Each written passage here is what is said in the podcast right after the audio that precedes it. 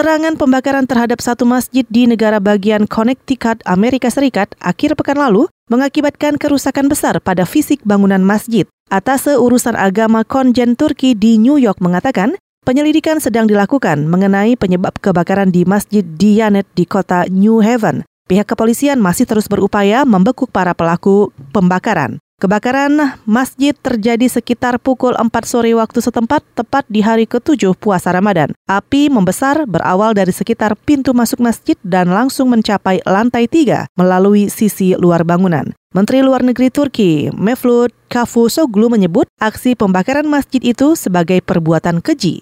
Selain membuktikan masih terus meningkatnya Islamophobia. Karena itu, para pelaku pembakaran harus ditangkap dan dihukum secepatnya.